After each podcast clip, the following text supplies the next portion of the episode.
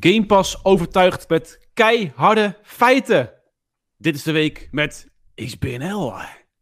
X gon' give it to you. Fuck wait for you to get it on your own. X gon' deliver to you. Yes, welkom kijkers en luisteraars bij aflevering 208 van de week met XBNL. Een warm welkom ook aan mijn mederedacteuren Jeff en Rick. Hey, hallo. Blij dat ik er weer ben. nou- echt. Ik Ja, heb nee, eh, de afgelopen echt, twee weken... eh, was, ja, is een hele rare gewaarwording is dat. Dan luister je ineens naar de podcast en dan zit je daar zelf niet bij. Ja. Kijk, ik, ik wil niet te groot over mezelf denken, maar het is wel raar hè, dat, dat, dat, dat, je- dat je mij niet hoort tijdens de podcast. Nou ja, ik wil inderdaad zeggen van na een paar weken horen we dan eindelijk weer eens een keer die zoele stem uit Twente. Maar ja, Zwoel. er waren, eh, ja, er waren belangrijke mijn- dingen te dus- vieren. Volgens mij is mijn stem... Zeg maar, het laatste wat het is, is het wel zwoel. Jeff was Hey. niet. Die moest even zijn 50-jarig huwelijk eh, vieren in, eh, tot hij 34 is in eh, Disneyland. Dus eh, dat was wel chill. hey, trouwens, ik hoor, de chat reageert gelijk, Jeff is er weer, geen intro muziekje. Dus nou hebben de mensen thuis, thuis weer geen stream. Nou, jongens, zei. Wat Ja. is Maar dit weet nou je, weer? dit... dit... Oké, Ja, nou, ik, eh, jongens? ik, ja, ik, eh, ik ga het even checken hoor. Dus ga, ga Nou, gezellig door. lekker, man. Nou, eh, terwijl eh, de, de chat zo meteen alsnog wel een tune krijgt, we doen het zo meteen wel nog een keer, jongens. Dan kun je alsnog een beetje die tune meekrijgen. Ehm anyways, welkom allemaal. Eh, eigenlijk de huishoudelijke mededelingen van elke podcast is wel dat je gewoon lekker naar onze Discord moet komen. Want er is natuurlijk rete gezellig met allemaal kanalen van de nieuwste games die er zijn. Eh, de nieuwste multiplayer games zijn hartstikke leuk om daar even wat mensen op te trommelen voor een heist, zoals bij GTA Online. Of misschien wel zometeen bij Tiny Tina's Wonderlands, de nieuwe co-op game eh, die net is uitgekomen en eh, waar eh, Rick mee aan de slag gaat volgende week. Tenminste, vanaf nu eigenlijk. Yep. Ehm, allerlei leuke off-topic kanalen, dus ga daar zeker naartoe. De uitnodiging staat op onze website. En nou ja, goed, het is een hele leuke Brady Bunch aan gamers. En eh volg ons op Twitter natuurlijk, hè. Eigenlijk vanaf vorige week erin gezet. Eh, we hebben eh, Rick die achter de knoppen zit voor Twitter. Dus heel veel Seal Thieves berichten, maar ook gewoon updates van allerlei nieuwtjes en eh, reacties op andere mensen. En Wat is dat met Sea of Thieves, joh? Die komen gewoon ook elke week met een of andere arbitraire update, hè? Gewoon dan is er weer een Ja, nieuwe scheet gewoon- als een emote toegevoegd. En dan komen ze weer met een filmpje van vijf minuten. Er is- over er hoe dat dan werkt elke- en zo. Komt Er die, die, elke week komen al die weer, eh, developers die komen weer aan het woord. Al die Joe niet, die moet dan weer met zijn harsens eh, voor de camera. Shit, hé. Er is En ook trouwens, elke week even- weer een even- Twitch-stream. Even testen hoor. Ja, er, was wel, er is wel een, een, een soort van Sea of Thieves gerelateerd klein nieuwtje. Namelijk dat Peppa Pig de Pirate Adventure DLC gelanceerd Oh, heeft. En je snapt natuurlijk wel welk deel binnen onze community hier helemaal lauw van wordt. Dat is de Sea of Thieves community Ik dacht al, ik zag gewoon een piratentake in de gamechat van Discord. Ik Wat is dit nou weer? Gewoon in de algemene gamechat was het gewoon fucking Peppa Pig. Ah, nou ja, die de die zei, als er nou nog een grasmaaier uitkomt eh, eh, rollen, dan is het een hele, helemaal een goat. Dan, eh, dan zijn we settled voor 2022. Dan mag Starfield Ook geen- wel eh, uitgesteld worden. Dan gaan we ook gewoon geen XBNL Awards meer organiseren. hè. Dat is gewoon, gewoon gedaan. Dat is gewoon Peppa Ja. Pig is goaty klaar. Ja. Nou, maar ja. doe je verhaal, Rick. Hebben we dat weer gehad? Sea of Thieves? Ja. Ja, dat was het. ja, nee, ja. Jeff heeft nou gelijk de... Nee, we waren maar voor zometeen. Ja. hey, jongens, deze week was er eigenlijk eh, enorm veel nieuws. Eh, en er waren meerdere aankondigingen omtrent Xbox. Want vorige week hadden de ID at Xbox Spring Showcase. eh, met natuurlijk heel veel nieuwe indie-titels. Eh, deze week was de Future Game Show. Dat is voor mij van Games Radar of zo. Ik, ik ken het eerlijk gezegd nog niet. Ik weet dat dit dit jaar het eerste jaar was. Maar er waren vooral eigenlijk veel titels voor de PC. Maar er waren ook een paar aankondigingen voor multiplatform titels. Dus eh, ook voor de Xbox. En eh daar gaan we zo meteen eventjes langs. Belangrijkste nieuws is natuurlijk de open deur dat er een nieuwe Witcher game in de maak is. We mogen geen Witcher 4 zeggen, maar het is een nieuwe Witcher game. Eindelijk bevestigd door CG Projekt Red. Ook bevestigd dat het plaatje wat we bij ons artikel hebben gezet is een nieuw medaillon. Geen wolf meer, maar een links, een, een katachtige. En eh, nou ja, goed, daarover eh, gaat het... eh nou, tenminste, daar moeten we Ja. nog meer over weten. Maar het is toch raar? Iedereen die zei van, oh, Witcher 4.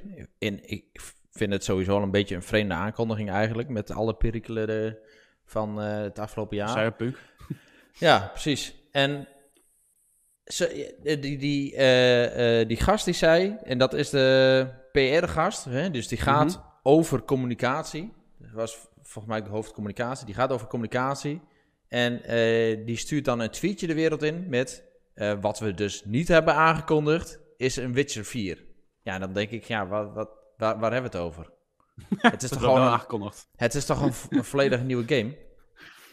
Ja, maar goed, En- misschien en- om aan te, aan, aan te geven dat er geen Geralt of Rivia meer zal zijn.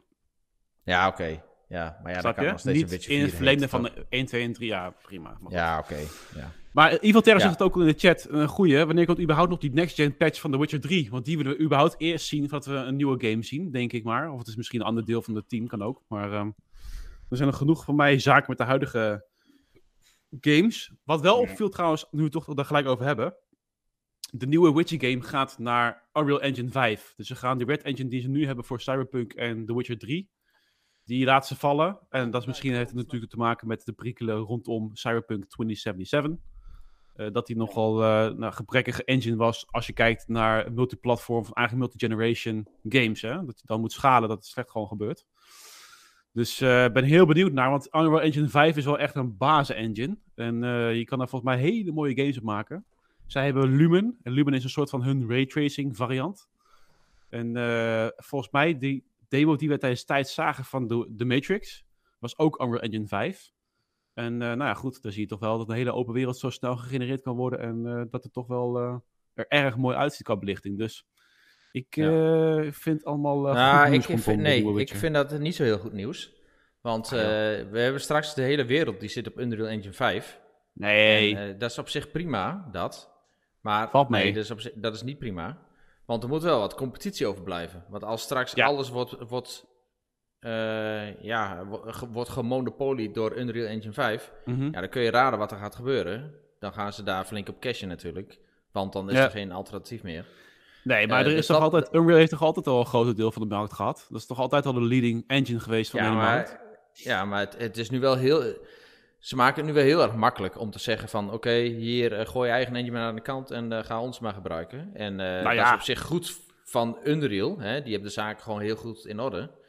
Mhm. Ehm, maar voor de markt is het niet zo heel prettig. Kijk, het is altijd goed als je wel een paar concurrenten hebt. Of dat die Unity bijvoorbeeld wat beter doet. Dat, die kunnen elkaar echt eh, goed scherp houden. En eh, het Ja. andere nadeel vind ik... eh, ja, Cyberpunk die heeft nog steeds wel die Red Engine natuurlijk. ja. En ja, ze zullen wel minder gaan ontwikkelen met die engine nu. Dus ze zullen echt het broodnodige doen. Maar ze zullen Ja, niet echt meer lekker nieuwe dingen gaan, eh, erop gaan ontwikkelen. En dat betekent ook dus dat Cyberpunk nu eigenlijk vooraf al... Nou ja, eh, daar kun je nu vooraf al van zeggen van ja, dat, dat gaat heel erg stagneren, die ontwikkeling. Hè, dat is Nou, dat weet ik niet. Een beetje gameplay. gewoon nog, nee, ik denk dat er gewoon een team op zit. Kijk, er zal niet in één keer een nieuwe aankondiging komen, waarschijnlijk van nieuwe story DLC inderdaad. Dit is gewoon een roadmap afmaken en daar, dat het Nee, daarbij je- blijft. Wat je meestal ziet met die engines, en vooral die in-house developed engines, is dat ze nieuwe features gaan testen in bestaande games. Dus ze gaan nieuwe features maken voor nieuwe games. En die features die worden alvast naar bestaande games gebracht. Zodat Ja. je daar ook mee kunt testen en zo. En ja, dat heb je gewoon straks niet. Ja, maar Dus ik snap ja, het in je- geval van dingen snap ik het wel. Dat je gaat niet gewoon verder met zo'n engine die zoveel problemen heeft opgeleverd. Het is echt niet normaal hoeveel problemen die engine heeft opgeleverd nu met Cyberpunk. Ja. Ja, was het niet zo dat ze die, die engine zeg maar parallel aan het ontwikkelen waren terwijl de game ook ontwikkeld werd? Dus dat ze steeds moeite hadden om met de ontwikkeling van de engine een stap voor te blijven op de gameontwikkeling. Misschien was Ja. het niet per se zozeer de engine die het probleem gaf, maar meer een time management probleem in het algeheel. Wat denk ik ook wel bij deze studio gepast heeft. En kijken naar Ja. de afgelopen drie, vier jaar. Ja, nou ja, goed. Ik, ik vind trouwens het aanbod van engines vandaag de dag vind ik groter dan destijds van Unreal Engine 3. Want daar ging wel echt iedereen naartoe. Op een gegeven moment kwam EA gewoon met zijn eigen Frostbite engine en er kwamen er steeds meer engines op de markt. Ik vind dat het wel meevalt eh, met die eh, Monopoly. Ja, je ziet ook nog steeds in Unity wel echt parels van een games eruit ge- Ja. die geperst worden. Overigens, Ben, ja. ik had even naar aanleiding van die Witcher aankondiging op Twitter een bericht gedaan van hey, we weten natuurlijk van niks, maar wat denken jullie, hoe, hoe, hoe ver is deze game nog van ons verwijderd? Maar Ja, eh, dat was, we hadden meer dan 30 reacties en die waren allemaal wel unaniem. Dat is nog lichtjaren eh, Ja, ver weg. Waarbij gemiddeld zo rond de 5, 6 jaar, als ik zo even snel de reacties screen. Dus er is weinig vertrouwen in dat, eh, dat deze game op, ook maar bi- binnen enigszins een redelijke termijn uitgegeven zal worden. En de vraag is zelfs nog wel een beetje, ja, komt die überhaupt deze generatie consoles nog wel? als er al een volgende genera- generatie consoles zou komen. Hoor. Maar Ja. Nou, dat, eh, de, heel veel vertrouwen is er nog niet in ieder geval. Ik denk wel dat de, de nieuwe Witcher game zou nog wel kunnen uitkomen voor de release van GTA 6. Want die komt Ja, toch maar komt dus ook dat scheelt. uit voor de release van de next-gen upgrade van GTA 5 voor de volgende generatie consoles. Maar goed, eh, tot zover eh, de nieuwe Witcher game. Eh, we hebben nog veel meer ander nieuws natuurlijk. Je hebt toch Game Pass bewijst het concept met keiharde cijfers, wat we al in de headliner zeiden. Er is een nieuwe rechtszaak tegen Activision, eigenlijk omtrent, hetzelfde thema. We hebben natuurlijk weer de wekelijkse update van Rick omtrent Sea Thieves. Hè, want er gaat geen week voorbij dat er niet iets gebeurt in Sea Thieves. En Rockstar verrast met een nieuw concept. Ja, er, zijn er meningen over verdeeld over hoe leuk dat concept is. Er is een nieuwe divisie van Xbox Game Studios. Eh, en Xbox maakt misschien wel de meest lelijke editie van een console ooit gewoon. Inclusief de Zo. meest onpraktische controllers die ooit zijn bedacht. Ja. Eh, en natuurlijk nog veel meer nieuws. Maar goed, laten we even eerst kijken naar... Ik heb hem erbij inderdaad. De nieuwe editie van Xbox. Ja, ja, zeker. Fucking hell, hé. Die is echt... Nou, ik kreeg meerdere appjes gewoon van die controller, hoe lelijk die is. Gewoon van, Ja. wie, de, wie de fuck gaat dit nou hiermee gamen, überhaupt? Ja, Je want ziet- even de context ervan, eh, Niels, is natuurlijk dat er een, eh, eh, een, een samenwerking is tussen Sega en Microsoft in het ontwikkelen van een limited edition Xbox Series S. Die kun je niet kopen, naar mijn weten. Je kunt meedoen aan een prijsvraag, die is wereldwijd, dus dat is wel goed nieuws. Vaak heb je bij dit soort prijsvragen dat het alleen US, Canada en UK is. En in dit geval, in ieder geval Nederland eh, kan ook deelnemen, of het echt helemaal wereldwijd is, dat weet ik niet 100% zeker. En eh, ja, dit is een collaboration met, eh, met Sega. En wat je ziet is een, een Sonic console en Sonic controllers. En die console, die vind ik persoonlijk nog wel oké. Weet je, als, als verzamelaar zou ik daar nog wel voor gaan. Maar ik trek wel de streep bij de controllers. Die, die, Ja. op het moment dat mijn controller er als een vloerkleed uit gaat zien, daar, daar komt het er niet in. Zo'n loesje, eh, soort van jaren tachtig eh, bank met eh, dat soort vacht erop. Ik weet niet of Ja. Jeff laat nu een video zien, maar voor mij komt dat niet naar voren in deze video, toch? Of wel? Nee, deze, deze, ja, deze is hem. Ja, precies. Ja, ik zit het te Je zoeken naar een dus goede, een maar dit is controller echt... met dit kan niet zo. dit. Vacht erop, jongens. Controller met vacht. Wat de Ja. hel. Wie Maar heeft dat bedacht? Maakt niet uit, deze gaat het gewoon goed doen. Mensen willen dit in huis. Ach, man. Echt. Ik denk Ja, zelfs het Rick... is niet te kopen, hè? Het is een prijs. Het is niet. Wij kunnen dit. eh, daarom kijk, ook, Ik zou het ja. waarschijnlijk wel kopen. Ja, Dus- Oh, ja, ja. maar dan wel met alle principiële bezwaren die ik net noemde. ja precies. Met tegenzin. Wat de Dit- hel. dit- maar dit is, dit is gewoon te winnen. En je kan meedoen en je moet gewoon even naar het eh, Xbox-account op Twitter gaan. Of misschien ook wel op Insta, dat weet ik niet zeker. En, ehm, maar even, Niels, vind jij dit nou in de line-up aan limited edition of hè, hoog exclusieve consoles? Waar staat die, zeg maar, op het spectrum voor jou? Eh, Qua moet ik hebben versus eh, wat afstands? Aftans. Staat ver bij aftans. ik zie trouwens ook in de chat hier. Evil Terror zegt, ik maak nog niet voor een controle van mijn buikhaar. bah. Peter zegt, cavia met joysticks. En Evil Terror zegt, je kan hem gebruiken als Swiffer, denk ik. En Demas zegt, hij, Hertog Finn gaat hier echt hard op. Ja, het is goed dat Hertog Vinnie in de chat zit, want die had zijn subscriptie bij ons opgezegd, denk ik. ja, Als ja, ja. fan. Nee, maar hoezo, wat, wat jullie dan? Wat vinden jullie van? Ik denk van, nou, nou, het is uniek, ik moet hem hebben, dus ik ga die prijs vragen. Of eh, precies van, nou, ver bij de vuilnisbak. Nee joh, Nee. nee, nee. Als ik dat ding thuis gestuurd krijg, dan eh flikker ik hem nog weg. ja. Ja. Ja, jij hebt ooit, ooit die- ooit die lelijke Forza controller gekocht, eh, Jeff. Dus, eh, Die is lelijke. Forza controller. Deze is echt... ik, ik zoek hier nog een mooie stand bij trouwens. die is Ja. toch wel? Ja, die is er inderdaad, maar die was Ja. toen uitverkocht. Ja. Oké. En ik word dus even weer kijken. Maar misschien even een, eh, een vraag aan de chat ook. Hè? Want kijk, ik, we zijn natuurlijk benieuwd wat jullie van deze console en controle vinden. Maar de, eigenlijk de onderliggende discussie waar we het nog niet over gehad hebben, is dat natuurlijk in het najaar van 2021 er een strategisch partnership eh, met Sega is gesloten tussen Microsoft en Sega. Nou, wat we daar concreet van zien, is toch al een aantal Sega-titels in de Game Pass. eh, met terugwerkende kracht, maar ook eh, vanaf dag 1 in de release. Ik denk bijvoorbeeld aan Two Point Campus, wat over een paar weken uitkomt. Hè? Een nieuwe game uit de Two Point Hospital franchise. En ehm, vanaf dag 1 in de Game Pass te spelen. Nou, zo zijn er nog een aantal andere van dit Ja. soort voorbeelden. Moeten we dit in het verlengde van dit eh, strategisch partner, eh, eh, ja, de- hè, deze strategic partnership zien? Of ja, bloeit er toch iets meer? Hè? Wordt het van een beetje kussen naar een beetje vrije onderling? Hoe zit dat tussen die twee? Ja, ik, ik denk dat we er niet heel veel, van moeten, heel veel meer van moeten verwachten. Het is goed dat die twee eh, eh, dus blijkbaar liggen met elkaar. Maar ja. ja, misschien leidt het wel tot meer hoor. Maar ik zou, eh, ik, zou dat, ik zou er niks van verwachten. En aan de andere kant vraag ik me ook af of je dat wil. We hebben wel eens vaker de discussie gehad van... Ja, moet Microsoft eh, hè, in hun hele aanname eh, strijd of, of, of aanname... Overname. Ja, of overname, strijd eigenlijk wat ze aan het voeren zijn. Moeten ze daar ook, niet wat Japanse studio's bij opnemen? Ja. Maar dat is ook, dat, dat strookt ook gewoon niet lekker. Dat loopt niet lekker met ja, de Amerikaanse, het Amerikaanse bedrijf Microsoft en Xbox als divisie. Dat, dat Ja. gaat hem denk ik niet worden. Dus het werkt alleen als Xbox op eigen kracht zelf daar wat meer kan.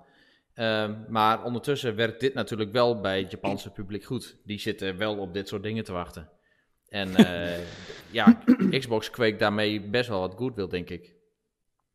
Ja, Het zo- Dema zegt in de chat, het is een beetje kietelen, maar een volle vrijpartij gaat het niet worden. Gewoon friends and benefits, zegt Peter, meer niet. Gewoon een beetje vingeren nog. hey, wel even...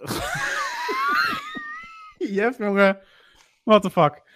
Hey, maar wel even in hetzelfde thema van overnames. Eh, we hadden natuurlijk de laatste grootste, grote monster-overname was natuurlijk Activision. En ja, we zijn nog niet drie weken verder, denk ik, eh, van de vorige nieuwtje van Activision.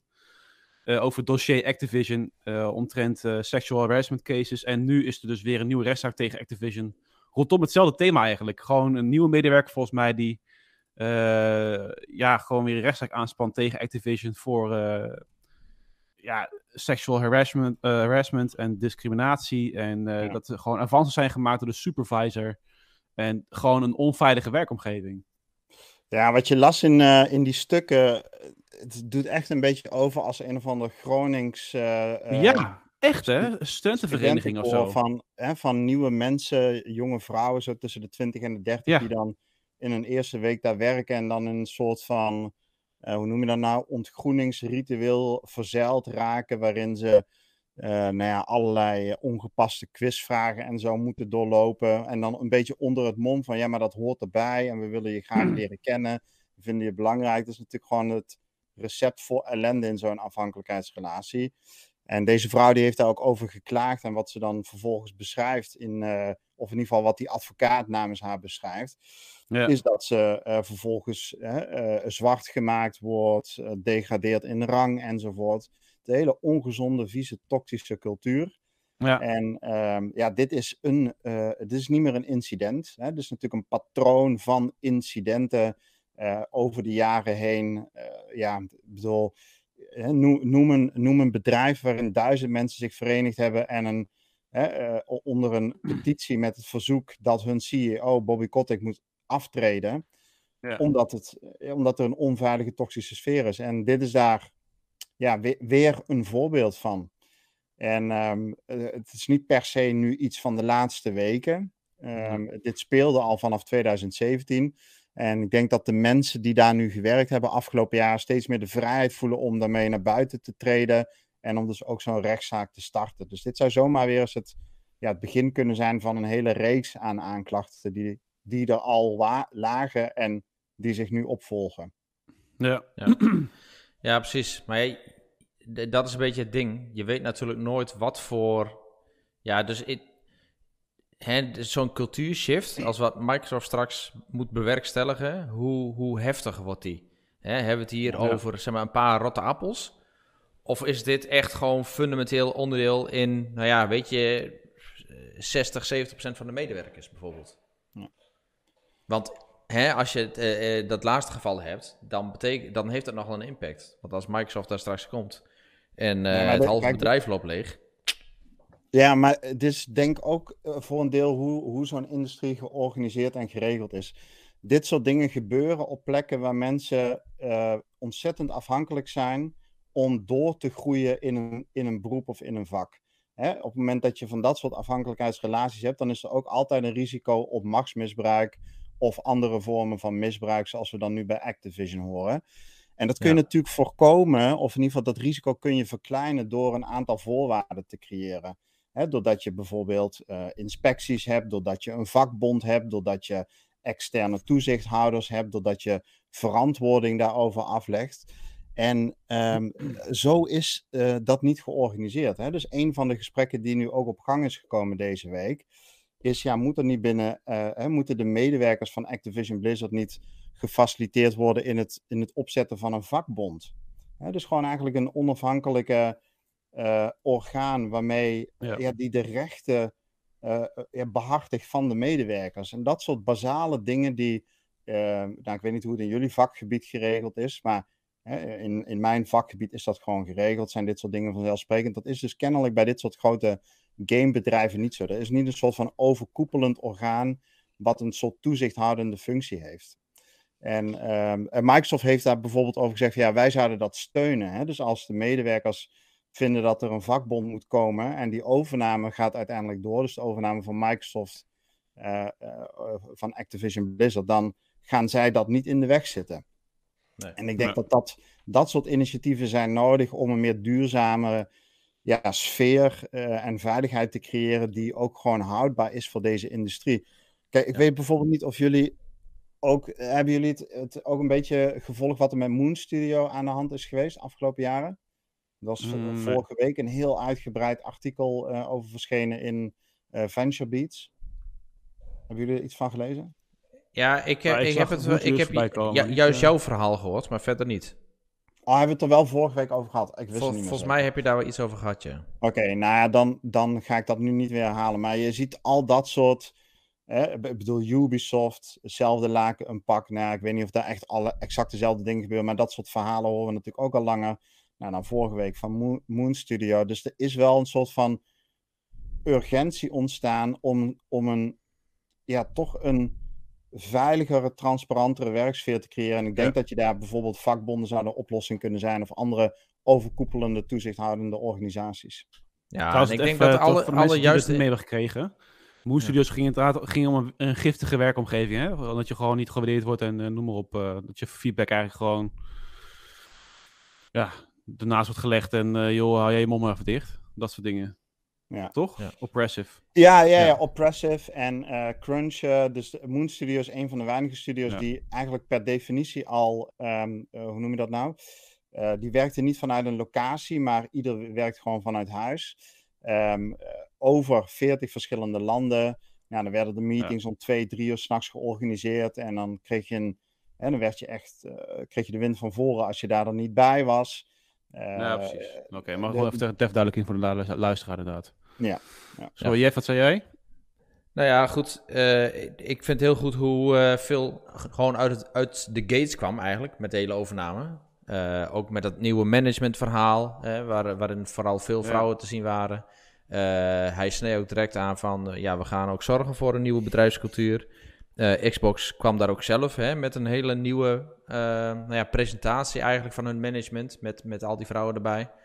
Ehm, dus dat is wel een hele goede aanpak. Dus ik denk dat op intentievlak eh, ligt alles er wel. Dus, dus ik bedoel, dat is er wel. De vraag is alleen van ja, hoe realistisch is dat? Je kunt niet verwachten dat je eh, Microsoft straks eh, ja, de grote aandeelhouder is, Daro. En dat het dan gefixt is. Want het, Nee. het, ja, wat ik net al aangaf, van, ja, als het een paar rotte appels zijn, dan pluk je die ertussen weg. En eh, dan krijg je dat wel voor elkaar. Maar het zit hem gewoon echt in de cultuur. Ja. En dat Ja. krijg je er niet zo even uit, denk ik. Nee. Nee. Even trouwens in het verlengde hiervan, en eh voordat we zo meteen nog een half uur over, over hebben. Die, aan, of die overname van eh, Activision, die kan nog eventueel geblokkeerd worden hè, door de uit- aandeelhouders, zo eind april. Maar gezien er heel veel geld mee is gemoeid, zal het gewoon niet ge- gebeuren waarschijnlijk. Want eh, eh, als de deal doorgaat, dan zal Microsoft 95 dollar per de aandeel uitbetalen. En dat is eh, een flink stuk meer dan de aandelen op de laatste dag, zeg maar. En de aandeelhouders zouden een premium krijgen van 45%. Ja. Dus ik denk dat die aandeelhouders die zeggen van, ja, weet je wat, fuck it, we kiezen het geld, dus eh, laten we maar doorgaan. Nee, maar ik denk Ja, dat iedereen hier ook wel blij mee is. Ook de aandeelhouders wel. Eh, Ik denk dat er één iemand is die hier niet zo blij mee is. En dat is Bobby Kotick. Eh, Ja. Maar ja, die, eh, die heeft ook maar te luisteren naar de aandeelhouders. Ja, Ja. ja, ja, Ja. Goed. En waarschijnlijk tien andere baantjes weer tegen die tijd. Ja, precies. En anders Maar- is, komt er misschien nog wel een vacature bij eh, voetbalclub Antwerp. Kan ik mij voorstellen. ja, precies. Ja. ja, dat is een goede sfeer. Verwijzing daar, hè? naar iets wat ik eh, niet... eh, Ja, Ja. wij het over voetbal en dat wil ook niemand. Oh, dus nee, gaan we nee, lekker nee, door. Oké, oké. Eh, we gaan even door een paar kortere nieuwtjes heen, voordat we weer een groter topic aansnijden. Eh Godfall, de game die echt bijna niemand meer speelt volgens mij. Tenminste, voor mij is het een flop op de PlayStation. Die komt op 8 april naar Xbox. En Godfall is een soort multiplayer eh, game, third person, melee combat. Of is het ook een shoot nee, shooter, hè, is het? Action RPG. Action RPG? Oh, dat het alleen een shooter was. Goed, komt dus naar Ehm, Xbox. Ja, misschien heb je gelijk. Ik heb Ja. hem wel op de PlayStation. Dit was die game waarmee. eh, eh, hoe heet die Nou, nou? pochen waren aan het begin, maar uiteindelijk was het kut. Ja, het was echt was niet best. En eh, Nee. dit, dit was de game waarbij de PlayStation CEO zei van ja, we believe in generations. En een paar maanden later komt hij de PlayStation 4 uit. En een paar maanden later komt hij op de Xbox Ja, One uit. Maar Ja, we believe mooi, in generations. Ja, het is goede, goede marketingtaal geweest toen. Ja, lachen. Goed, Dus, eh, maar- ja, verder... goed, eh, Ja, daar kun je- kunnen we mee aan de slag over, over anderhalf week. Mocht je Ja. dat willen of gedwongen worden daartoe. Inderdaad. Ehm, een andere game, Suicide Squad, is uitgesteld. Voorjaar drie- 2023 wordt het nu. Ja, van mij zeiden dat serieus twee weken geleden nog. Suicide Squad komt niet, wordt uitgesteld. Nou, bij deze weer eens een keer gelijk. Zoals zo Ja. vaak. Hè? Eh, jammer, want dit we- is, dit is wel een game waar ik erg naar uitkijk, joh. Ik bedoel, dan heb je... Squad, ja. Ja, weet je, Tiny Tina's Wonderland, weet je, dat is een leuke. Maar dit zijn echt de, de, de grote hitters, dit. Nou ja, het is met de vraag naar hoe succesvol die game is. Het zag natuurlijk wel super, super, super tof uit. Een andere game trouwens, Gotham Knights, moet wel gewoon op dit jaar uitkomen. Dus op zich staat die nog wel eh, op de planning. Ja, maar ik vind dat een Eh, beetje een, eh, een soort van slap aftreksel van Arkham Knights. Ja, vind ik ook. Ja, dan gaat, en, maar maar dan met multiplayer. Ja, Ja. en ik denk dat het Ja, heel, heel erg generiek wordt. Ja. Ja. Ja, Suicide Squad ziet er wel uniek uit. Zoals ik al zei, de Sunset Overdrive sausje met alle crazy characters en zo. Maar goed, die is uitgesteld. Jammer. Ehm, even kijken wat we nog meer hebben aan wat kleinere nieuwtjes. Dying Light 1 krijgt de Next Gen upgrade. Die is nu gelijk uit. Die is voor mij al gereleased. Ja. Dus eh, voor mensen die Dying Light 1 nog niet hebben gespeeld. Dying Light 2 is natuurlijk laatst uitgekomen vorige maand. Je kan de game gaan spelen met eh volledige potentie benut van de nieuwste consoles. Dus dan zie je toch een hogere resolutie, hogere framerate. En eh, nou ja, ziet er voor mij al een stukje beter uit. We krijgen eh, ja, een, een franchise die nog steeds wordt uitgemolken. Zo'n 30, 40 jaar na uitkomen van een film is Ghostbusters. Er blijft toch elke keer weer een game uitkomen of een kutfilm waar ze in één keer naar de dames switchen. Het is allemaal niet normaal. Maar eh, er komt De gewoon weer een laatste was uit. toch wel een redelijk goeie, of niet? Laatste film? Ja, ik ben helemaal geen Ghostbusters fan, maar die laatste scheen wel niet. redelijk goed te zijn. Ja, dat Nou. is dan eh, niet diegene met die vier dames. eh, dat was eh, een flop. eh. Nee, Was van afgelopen jaar. Nog. Ja, nee, die heb ik niet gezien. Nog. Nog niet gezien. Met maar goed, anyways. Paul Rudd, geloof ik. Ja, het zal wel kunnen. Iets, iets duisterder, toch? Qua in, invalshoek. Ja. Maar goed, Volgens. Evil Terror was de laatste film met Mark Wahlberg. Ah. Ah, Ja, ik weet het niet zo. Ik 2021. zit, ik zit echt niet in die franchise. Ik heb echt geen idee. Anyways, er komt dus een eh, leuke cartoon, die nieuwe Ghostbusters game uit. En eh, eh, ja, doet mij niet heel veel. Het ziet er wel leuk uit qua stijl, maar er niet van, oh ja. Misschien als die in de Game Pass zit, dat, dat, dan, eh, dat ik hem dan doe. Ja. Eh, blablabla. Nog een kleiner nieuwtje. Ja, gratis Spider-Man Plus, jongens. Eh, Ja. Deze week is Halo uitgekomen, de serie wel te verstaan. Na, nou, ik denk 15 fucking jaar na de aankondiging dat er een Halo-serie uit zou komen. Eh, want voor mij was het E E3 2007, waar Steve, Steve Spielberg eh, zei Steve, van... ja. ik ben executive producer van de nieuwste Halo-franchise. nu er komt een serie uit. Nou, vervolgens hoor je tien jaar niks. En eh, dan komt het toch weer een beetje op gang. Hij is nu eindelijk uit. Eh, we leven nu natuurlijk 15 jaar later wel in een wereld met 15.000 soorten providers van series. Dus je hebt Paramount Plus, Disney Plus, HBO Max, Discovery Plus, weet ik wat allemaal. Netflix natuurlijk gewoon nog Amazon Prime. Nou, deze komt dus naar Paramount Plus. Maar Xbox dacht van, dan weet je wat. Eh, alle mensen die een Game Pass hebben, en dan wel te verstaan de Game Pass Ultimate, die kunnen 30 dagen van Paramount Plus claimen. En dan kunnen ze de serie kijken. Maar gisteren, of eergisteren, zei Peter, eh, die nu ook in de chat zit, zei tegen mij op zich een goed punt. Eh, dan moet je wel kijken of de serie elke week weer een nieuwe aflevering heeft. Of dat hij gelijk het hele seizoen online staat. Want anders kun je beter over 30 dagen, over 30 dagen gaan claimen. Dan kun je meer Ja, afleveringen kijken. Ja. Dus dat is En een tip hoe- hoe hier, zou want daar komt elke week weer nieuw uit.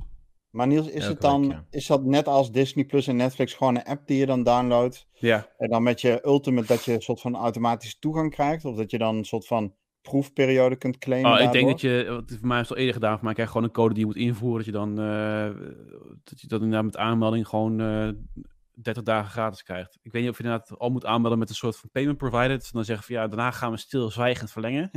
Zo'n nasty ass actie. Dus let daar goed op. Ik heb, nog niet ik heb het nog niet ge- geclaimd, deze perk. Dus ik zou even niet weten eh, wat je moet invoeren aan gegevens. Maar hou het wel in de gaten inderdaad. Want anders dan ben je in één keer eh, een maand later moet je in één keer wel betalen. Laat hier je creditcardgegevens achter. We doen Ja, er niks mee ja. hoor, maar laat ze hier maar voor de zekerheid achter. Ja, precies. En dan moet je ook echt wel even agenderen van... oké, dan moet ik hem opzeggen, anders dan zit je eraan vast voor een maandje. Maar Goed. is het wat? Eh, ik heb nog niet gekeken. Ik ga, en net als dat We- Peter zei, ik ga gewoon eh, vier weken wachten... en daarna ga ik even Ja, vier oké. afleveringen kijken achter elkaar. Oh nee, ik ga wel eh, lekker kijken. Ik heb de eerste gedownload, nog niet gekeken. Maar ik ben heel erg benieuwd. Want ja, mijn verwachtingen liggen eerlijk gezegd niet heel erg hoog hiermee. Want volgens mij is het wel best wel fitte actie. Maar ja. het verhaal... Ja, sorry dat ik het zeg hoor. Maar ik vind het verhaal van Halo... Missie, missie is er wel vloek in de kerk. Maar sowieso niet een van de sterke punten van de game. Maar... eh, en ik ben benieuwd of dit eh, nog een leuke origin story van Master Chief kan opleveren. Zou een leuke zijn, maar volgens mij is het direct... eh, Het verhaal is vrij uitgebreid... maar in de games komt het niet heel erg goed naar voren, inderdaad. En de vraag is of ze met die serie dat wel kunnen doen. Maar de eerste reacties die ik lees over de serie zijn niet al te best. Dus ik dacht van, nou, ik wacht Sorry af. Peter. En eh, maar zo, chef, dat laat je heeft dat niet roepen over Halo. Ja, maar chef zegt voor mij, de laatste keer dat de chef zich heeft uitgelaten over Halo in de podcast, is dat hij het een veredelde walking simulator heeft genoemd. Dus voor mij moet chef Ja. sowieso zijn mond houden. Een walking sim, ja. Ja, Ja, dus, eh, eh, kijk, ik ben heel vaak, eh, zit ik mooi op één lijn met jou, Niels. Maar eh, als het om The Witcher en Halo gaat, dan lopen we toch een beetje uit de pas. Of dan loop jij Ja. eigenlijk uit de pas. En, eh, maar dat, dat, dat kan ook gebeuren. echt. Laatst ook in die chat, wat zijn nou in de redactie van... eh, nou, eh, Jeff, pak jij de Witcher 4 review Ja, op, of zal ik precies. het doen? Fans only. Fans Ja. only. Ja, Ja, ik vraag ja. me af of je voor de Witcher 4 of je die andere drie cut games ook eerst gespeeld moet hebben. Oh, Jeff, jongen. Ja. Mark my words, boy, and mark them well. You Ja. will suffer for this. ja, nee, maar goed. Dus eh, tot zover eh, de onwijze woorden van Jeff. En eh, ja, gebrek, gebrek aan gamekennis, zou ik het maar zeggen. Ja. Shots fired, zegt Evil Terror. Ik ga gewoon eh, uit, uit, uit pijn ga ik met gewoon naar het volgende topic. Ehm, nou ja, we kunnen wel over andere kut game hebben. Eh, maar er komt elke keer naar voren. Sea of Thieves. Er is een nieuwe avontuur. Je had zo'n mooie brug kunnen maken van Paramount Plus naar GTA Online Plus. Maar je, in plaats daarvan pak je cut games als vergelijking. Kan ja, nee, ik dacht ik ga toch even kijken of ik een sneer terug kan doen. Maar ik ben niet eens met het feit dat Sea of Thieves een kut game is. Of is het niet? Nee, hartstikke goed. Nee, dat weet ik ook. Nee, nou ja, kort nieuwtje over Sea of Thieves. Jullie weten natuurlijk inmiddels dat er eh, maandelijks verhalende eh, ja, updates beschikbaar gesteld worden, die dan voor een korte periode te spelen zijn, twee weken. Dat noemen we de Adventures. In februari hebben we daar de eerste van gehad, Shrouded Island. Ja, gewoon een leuk verhaal van een uur, anderhalf. En eh, het zet de toon voor eh, het vervolg. En dat vervolg is Adventure 2, hoe kan het ook anders? En dat is de Forgotten Forts. En die is deze week gelanceerd. g- gisteren, eh, 24 maart. Om precies te zijn. En daar kun je twee weken mee aan de slag. En dat vervolgt eigenlijk het verhaal waarmee we begonnen zijn. Dus hè, de- voor degene die ehm, eh, even, even een opfrisser. eh Golden Sand Outpost. Oh jee. Alle inwoners zijn vertrokken. Groene mist hangt eromheen. En ehm, wij denken dat Flameheart iets in zijn schild aan het voeren is. En ehm, eh, de eerste aanwijzingen van een nieuw character die we ontmoet hebben, bellen, die wijzen ook in die richting. En in Adventure 2 gaan we dat verder onderzoeken. Dus we hebben in Adventure 1 een aantal clues bij elkaar verzameld. En in Adventure 2 gaan we die, uh, die. Kijk ook zeker naar uh, de, de, de, het archief op onze website. Dan gaat Rick uh, uitvoerig beschrijven welk avontuur alles, alles allemaal inhoudt. Absoluut. Ik maar wees gewoon gelijk... Zoek, zoek even op groene rook of groene mist. En je, vindt, ja. je wordt automatisch gelinkt naar de afgelopen 10 podcast en 50 artikelen ja. op de website. Ja, dat is zoiets, ja. ja. Ik zie gelijk dat uh, de Inflamer zich meldt hè, in, uh, in de chat. Die denkt, kut game, wat? Wat? Wat? Uh, die, die, ja, kom Direct, jongen! Ja, hier. dus, nou goed. Tot zover uh, Sea of Thieves, de update van deze week. We gaan inderdaad maar door naar de rest van de brug van net, die, de, die Rick al voorstelde. GTA Plus. Rockstar lanceert GTA Plus of GTA Online Plus. Ja. Waarbij ze een abonnement voorstellen waar je dus voor 6 dollar per maand uh, in één keer allerlei perks krijgt. Uh, tussen 500k in-game geld. Uh, en betere luxe jachten en allerlei soorten properties. Ik denk, what the fuck? Ja. Wat, wat, wat why? Waarom dan nog meer geld trekken uit GTA Online? Als je ziet van, ja, weet je wat, het is nu een, een standalone game. Dus nu gaan we gewoon kijken hoe we dat nog meer kunnen monetizen. Wat is hier de gedachte achter? Nou ja, tussen de regels door. Uh, kijk, het is alleen voor de Xbox Series X en PlayStation 5. Ja. En hoe ze het lijken weg te zetten, is dat er een groep is uh, geweest die nu pas voor het eerst met GTA Online in aanraking zou komen. Ik denk dat dat klopt, overigens. Hè? Ook binnen onze community. Er zijn ineens behoorlijk wat mensen die GTA Online zijn gaan spelen of na jaren weer opgepakt hebben. Ja, Niels. En die groep die heeft van allerlei updates gemist de afgelopen jaren. Niels is daar een voorbeeld van. Ik ben daar ook ja. een voorbeeld van. Uh, nou, Peter, Jazz, we zijn een hele groep aan het spelen. En deze subscriptie die voegt allerlei properties toe, onder andere die afgelopen jaren die je had kunnen vrijspelen of had kunnen kopen en dat nu niet meer kan. Um, dus ja, het lijkt een beetje een soort van: hey, we, um, we geven jullie de mogelijkheid om weer een beetje bij te komen. Zo wordt het gebracht. Ja, en aan de andere kant denk ik dan: oké, okay, en daar betaal ik dan 6 euro per maand voor. naast dat ik de game al drie keer gekocht heb en nu ook weer voor online moet betalen. Hè, dus er zit wel een soort uh, shady randje aan. En dan ben ik ook benieuwd naar ja, hoe. Hè, hoe oh. wat, wat vinden jullie ervan, chat? Vinden jullie, bedoel je, je, je moet niks toch? Bedoel, we hoeven het niet te kopen. En is dit eigenlijk een soort ja, toffe aanbieding van Rockstar? Of zeggen jullie van ja, weet je, ze um, zijn helemaal de, het, het, het spoorbijster bij Rockstar. Hè? Ooit de gevestigde singleplayer franchise waar de hele wereld de klok uh, op 12 uur uh, zette om dan die game te gaan halen, is nu een of andere MMO geworden. Uh, waar tieners van 12, 13 ja, de dienst uitmaken en waar wij niks meer te zoeken hebben. Maar het is wel weer de volgende, of een volgende, misschien wel een soort van laatste impuls, hè, om nog mensen naar GTA Online te, te, te, trekken. Ook zeg maar in combinatie met de next gen patch. Dus wat dat betreft snap ik het, hè, vanuit business perspectief. Maar volgens mij is dit een volledig commerciële insteek. En ja. uh, heeft het weinig met uh, gameplezier te maken, zoals we Rockstar eigenlijk kennen. Um, Zie ik in de chat al, hè? Zie je. Evil Terror zegt trouwens, ik vermoed dat dit soort dingen GTA 6 behoorlijk gaat beïnvloeden. Ik ben benieuwd nou, Terror, hoe, hoe je dat zegt, of hoe je dat ik, ziet. Ik denk ook wel dat dit een soort van uh, glijdende schaal is. Een beetje net zoals uh, we dat hadden met, met die game services en zo.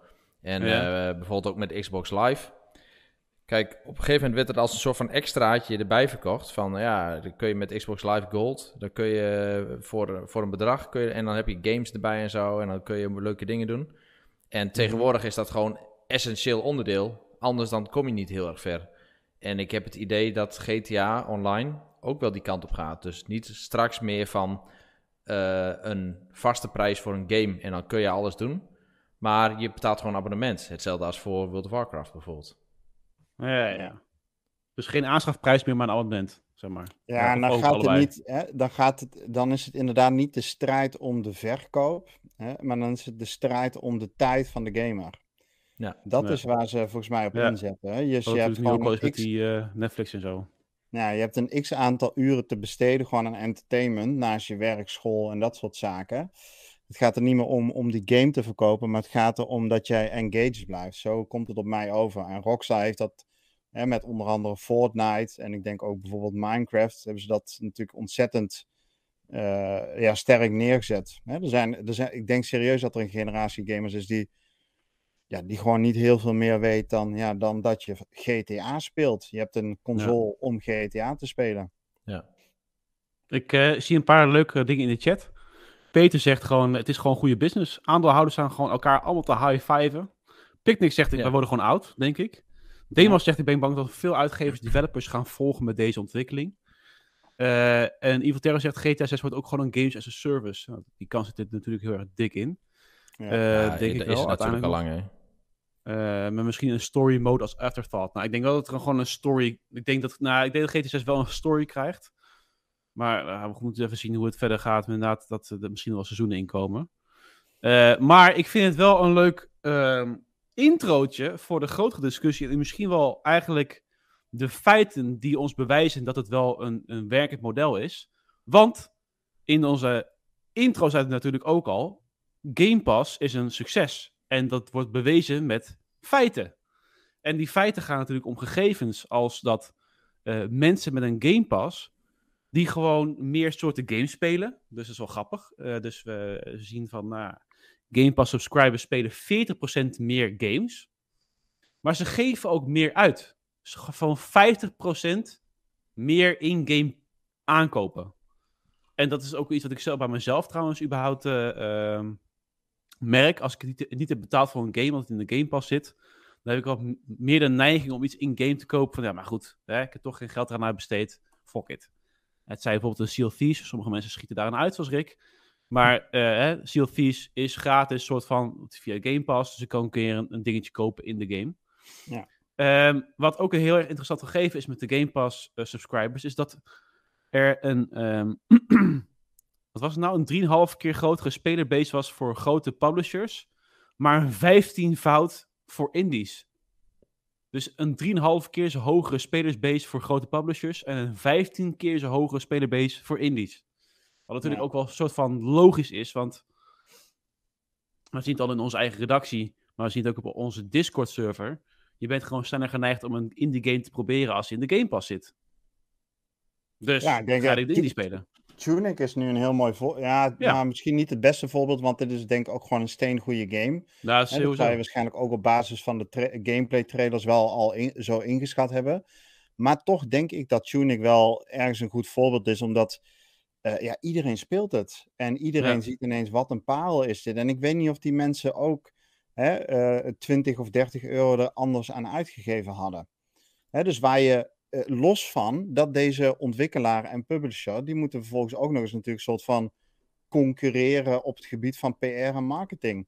Je moet zorgen dat je zichtbaar wordt, want als je niet zichtbaar bent, word je ook niet gekocht. En, Ja. en nu ben je ineens, doordat je in die subscriptie zit, natuurlijk voor 25 miljoen mensen, ben jij ineens dat nieuwe tegeltje op je dashboard. Ja, ja. En van die 25 miljoen hè, zeggen misschien wel 2 of 3 miljoen. Weet je, ik klik dat eens aan.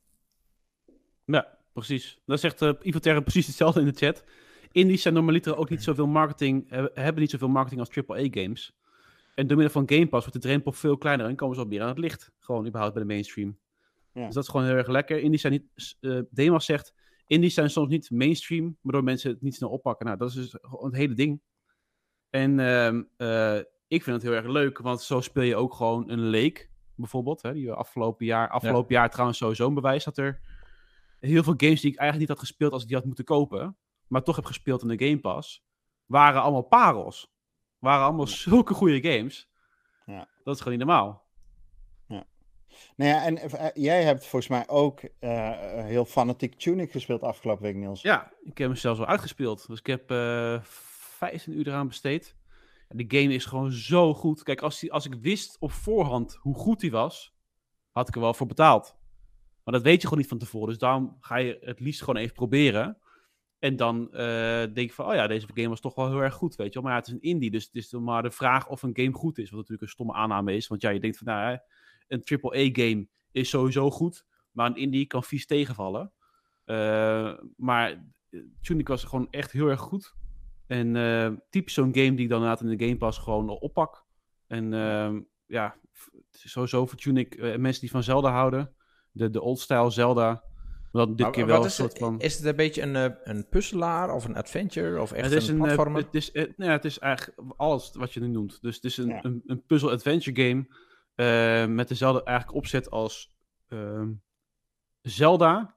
De oude Zelda, dus niet de Breath of the Wild Zelda, maar... Ja, ehm, Link of the Past en... eh, ja, Link to the. Past. En eh, precies. Eh, je hebt een mooie isometrische uitziende game met een hele leuke stijl van cartoony graphics. Maar die gewoon pittig is, jongen. Het is echt niet normaal. Dus die game heeft echt gewoon boss fights en gewoon enemies waar je gewoon goed moet vechten om er doorheen te komen. Hm. En er wordt gewoon heel slim, maar dan ook echt heel slim gebruik gemaakt van het isometrische perspectief. En dat je moet backtracken soms gewoon om, weet je wel, dan heb je later heb je een nieuwe power om dan weer terug te gaan naar een voorgebied. Oh die kan ik nu weer hier gaan gebruiken, waardoor er weer een heel nieuw gebied te- beschikbaar komt, bijvoorbeeld. Dat, die game is alleen maar zo geniaal aan elkaar gezet. Dus, Ja. ja, ik had een, games en eh, fans gaat spelen. Ik had een interview van, eh, van die ontwikkelaar. eh, dit is dus door een één persoon ontwikkeld. eh, bedacht en ontwikkeld. En hij heeft wel bijvoorbeeld voor audio en soundtrack heeft hij, heeft hij wel mensen eh, in dienst genomen. Wat zeggen. Dat Hè, maar er is één persoon geweest die dit ontwikkeld heeft. En een van de kernprincipes waar hij echt zeven jaar lang op heeft lopen worstelen. En wat dus kennelijk heel goed uit de verf komt, is dat je gaandeweg het spelen, moet je het gevoel krijgen van hé, hey, achter alles kan iets zitten. Ja. Dus dat je door, door progressie te maken leert van hey, deze wereld kent heel veel secrets, eh, heel veel geheime ruimtes, heel veel mooie plekken om te ontdekken. Ja. En dat daardoor alleen maar die nieuwsgierigheid gaandeweg het spelen alleen maar groter wordt, omdat je je realiseert van ja, achter alles kan nog iets nieuws zitten. Hè? En, je, Ja. en je kunt op de eindstreep een, de game gespeeld hebben, wetende dat je misschien nog wel de helft nog niet gezien hebt. Hè? En dat je dat aanmoedigt om nog eens een keer een nieuwe eh, playthrough te doen. En wat ik zo hoor binnen de community op Discord, en als ik jou ook zo hoor, Niels, is dat ook, hè? Dat, dat echt dat pure exploreren, het Ja. aanboren van die nieuwsgierigheid, dat die daar ook wel echt in, ehm, ja, heel ijzersterk in is. Het geniale van deze game is ook dat er een soort van manual is. En die pagina's die zitten verspreid door het spel heen. En hoe meer pagina's je eh, verzamelt, hoe meer je achter de game überhaupt zelf komt. Dus het kan zomaar zijn dat je na drie uur gamen erachter komt dat een bepaalde knoppencombinatie gewoon deuren opent in de game. En dat je Ja. denkt van, ik ben al 15 keer langs zo'n deur geweest. Ik had dus precies. elke keer iets kunnen doen. Ja. En dan kom je pas later achter. En dan denk je van, ja shit, dan ga ik weer helemaal terug naar die gebieden toe. Ga je dat allemaal invoeren. Komen in één keer achter nieuwe gebieden. Weet je, het is zo fantastisch, jongen. En eh, allemaal lekker oldschool eruit zien, eh, de, de manuals. Maar goed, Eh, tot zover Tunic. Ehm eh, downloaden zeker. Gewoon echt probeer het, of tenminste speel het. Maar goed, dus tot zover de Game Pass. Het is toch echt wel gewoon een groot succes. En de, de statistieken liegen er gewoon niet om. En eh, er zijn inderdaad natuurlijk al superveel subscribers. En eh, het, het, het, het toont ook aan dat die lange termijnvisie van Microsoft ook gewoon goed uit de verf komt op deze manier. Mhm. En ehm, nou ja, goed. Ja, het natuurlijk eerst over Games as a Service, maar ik dacht ook natuurlijk met deze als een service dat je dan gewoon dat het Netflix-model ook voor games gewoon goed Ja. werkt op deze manier. Ja, en ik weet niet of, of ik dan eh, eh, of ik even een bruggetje ook mag maken namens jou, Niels. Want als je het dan hebt over lange termijnvisie van Microsoft. Wat deze week ook eh, naar voren is gekomen, is dat Microsoft heeft een nieuwe divisie in de leven Oh ja, geroepen. ja. En ehm, hoe heet het nou? De Cloud Organization, nog iets? Heb jij het scherp hoe die ook heet? Cloud Gaming Organization. Ja, en dat is een, dat, dat is een aparte divisie geworden met ook eh, publishing eh, mogelijkheden. Met als doel onder andere het ontwikkelen van eh, games die native in de cloud moeten gaan draaien. Kijk, natuurlijk hebben we al xCloud en console streaming. Hè, dus we kunnen al op je, op je smartphone kun je al games spelen. Maar dit is tot nu toe ook deels van ja, of Microsoft of de ontwikkelaar dat ondersteunt. Maar daar gaat nu een aparte divisie voor in het leven geroepen worden met een eigen organisatiestructuur, een eigen CEO. En ehm, ja, met als doel natuurlijk om nog steviger te investeren in dat Play Anywhere principe. On Ja. all your devices. Hè? Dus op al, op al je toestellen, waar je maar wil, gewoon je Xbox games kunnen spelen. En dat is op deze manier meer kracht bijgezet. En ik vind dat eigenlijk wel een hele mooie, geruststellende ontwikkeling. Hè? Want Ja. je, ik bedoel, wij hebben nu allemaal al jaren, weet je, je investeert zo ontzettend veel nu in het ecosysteem. En dus toch maar hopen ergens van ja, dat dat ook, hè, dat die investering, naast natuurlijk alle mooie herinneringen die het opbrengt, maar dat die investering ook, dat dat een soort blijvend is. En ik heb toch steeds meer het gevoel van ja, daarin hè, door toch expliciet voor Xbox te kiezen, een goede keuze gemaakt. Ja. Ik weet niet hoe, de- Ja. hoe, hoe jullie deze ontwikkeling zien in dat kader. Nou, ik vind het sowieso heel erg fijn, want ik ga later dit jaar reizen en dan heb ik geen console meer. Dus ik, moet dan, ik ben dan afhankelijk van cloud en internetdiensten. Dus ik vind het helemaal fijn. Ja. Nou, Anders ik nog wel, als je- ik gewoon thuis Moet je wel goede met mijn 5G console- hebben overal. Ja, precies. Nou, 4G is op zich ook wel genoeg, denk ik. Maar al, toch, als ik thuis ben, gewoon met de console, dan zou ik ook nog een console verkiezen boven cloud. Maar weet je, het is inderdaad eh, goed dat ze hiermee bezig zijn en gewoon bezig blijven ook. Dus eh, Maar ik, ik vraag me af wat dit concreet inhoudt. Dus of dit echt ander ontwikkelde games zijn. Of dat het een soort van eh, ja, aanpak of een strategie is en wat meer procesmatige verandering is. Zeg maar voor, echt voor game developers. ja, precies. Ja, is Eh, of is dit echt een, eh, ja, is, is, is dit een hele andere manier van ontwikkelen ineens voor, voor eh, die ontwikkelaars? ja, da- Dus ga- daar, Dus gaan, gaan dit bijvoorbeeld iets van browser games worden of zo, weet je? Dus daar zit ik Mhm. een beetje aan te denken. Of zijn dit nog steeds de traditionele games, maar eh, wordt het makkelijker gemaakt om ze op, nou ja, voor, voor eh, de xCloud aan te bieden bijvoorbeeld? ja. ja, we gaan daar vast meer over horen komende tijd. Ja. Ja, maar dit is ook wel Ehm, iets waar die eh, Kojima natuurlijk mee zat, hè? Dus die, die was ook aan het zoeken naar een partner voor ja, een nieuw type game, wat dan echt zeg maar native cloud was, gebruik maakt van al die cloud capabilities. Ehm, en sindsdien hebben we daar nooit meer wat van gehoord, maar ja, wie weet dat hij daarmee bezig is. Maar dan is Microsoft wel een partner hierin Een goede partij. Ja. Ja. Ja, ze hebben het wel in hun persbericht over het eh, ontwikkelen van games die native vanuit de cloud draaien. Ehm, maar heel concreet wordt dat niet. Of is dat niet geworden. Maar Nee, ik had inderdaad ook diezelfde associatie met, eh, met Kojima. Omdat het natuurlijk zoveel mogelijkheden biedt. Als je de cloud, zeg maar, de onbegrensde mogelijkheden daarvan zou kunnen inzetten in het ontwikkelen van een game. Ehm, nou ja, dus, het, dus eh, ik denk dat vooral nu nog een beetje als toekomstmuziek klinkt en de visie nog wat meer kracht bijzetten. En dat dat Ja. komende jaren wel duidelijker wordt hoe ze daar vorm aan gaan geven. We hebben... Mooi, hè? Gewoon ehm, een PlayStation Switch erachter staan. Hier. Ja. Oh ja, Sorry. precies. ja. Yes. Ehm, even kijken. Eh, over PlayStation gesproken. Er was een aankondiging van de ontwikkelaars de- van Deliver Us the Moon. Dat die bezig zijn met het vervolg Deliver Us Mars. Oh, alleen vet. voor mij komt het niet naar Xbox, jongens. Dat is alleen PS4 en Oké. PS5 en PC. Oh ja? Dus we Ah, zijn oké. eh, overgestapt naar één partij, helaas. Ah, maar jammer. ja, dat is jammer, inderdaad. inderdaad. Dat is toch van Nederlanders? Is toch een Rotterdamse studio? Ja, Amsterdamse, Ja, dacht ja. ik. Ah, Amsterdam. Ja. En eh, daar hebben wij ooit mee gepraat op eh, Gamescom. Ik dacht van, nou, is goed. En het was ook best wel een succes. Deliver Us the Moon. Ja, Deliver. Us the Moon was een heel leuk spel. Ja. We gaan eventjes door, toch weer terug naar Xbox. De AMD Fidelity FX Super Resolution komt naar Xbox. Maar voor mij is het al op zich een beetje bekend. Want hè, de, de, voor mij, met de aankondiging van Series X en welke chips daarin zitten, kon je ook al voorspellen van, nou, dan komt deze technologie die nu op de graphics card zit, komt zo meteen naar de Xbox. Maar ik weet niet wat de verhaal er nu achter is, dat het nu is gereleased, of is het gewoon eh, Ja, bepaalde games alleen maar in de maak? ehm, ik begreep me ook niet helemaal goed. eh, want Want voor mij is het al liet- bekend verder, toch? ze lieten het zien met, met eh, Deathloop. Deathloop, ja. ja. Maar ja, die, die is en op de PlayStation uit en op de PC natuurlijk. En volgens mij is dit gewoon puur een PC-techniek, wat ze, wat ze hier Ja. laten zien. Ehm, maar nee, het verhaal is dus, eh, die komt naar de console en specifiek naar de eh, Series consoles. Daar wordt hij ook, denk ik, als eerste geënabled. Ehm, Ja. daar, die, ja, die heeft gewoon eh, die capabilities om dat ook te doen. Mhm. Ehm, en hij is volgens mij beschikbaar in de tussentijd. Alleen nu moeten die games daar nog op aangesloten worden. Dus het is niet zo van we halen de Switch om. En ja, we hebben van allerlei games hebben we al klaarstaan op de plank en die kunnen dat gebruiken.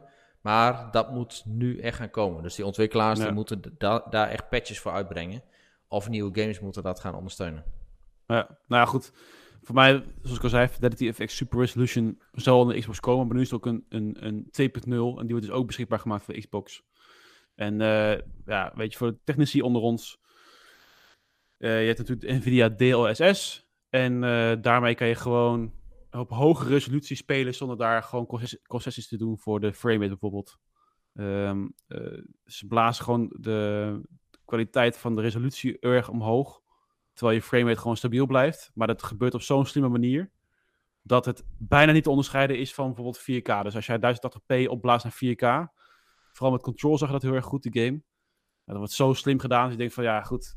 Je beter gewoon 1080p spelen. En dat je dan een goede framerate hebt. Dan dat je eh, 4K en dan 30 fps moet spelen, bijvoorbeeld. Maar goed.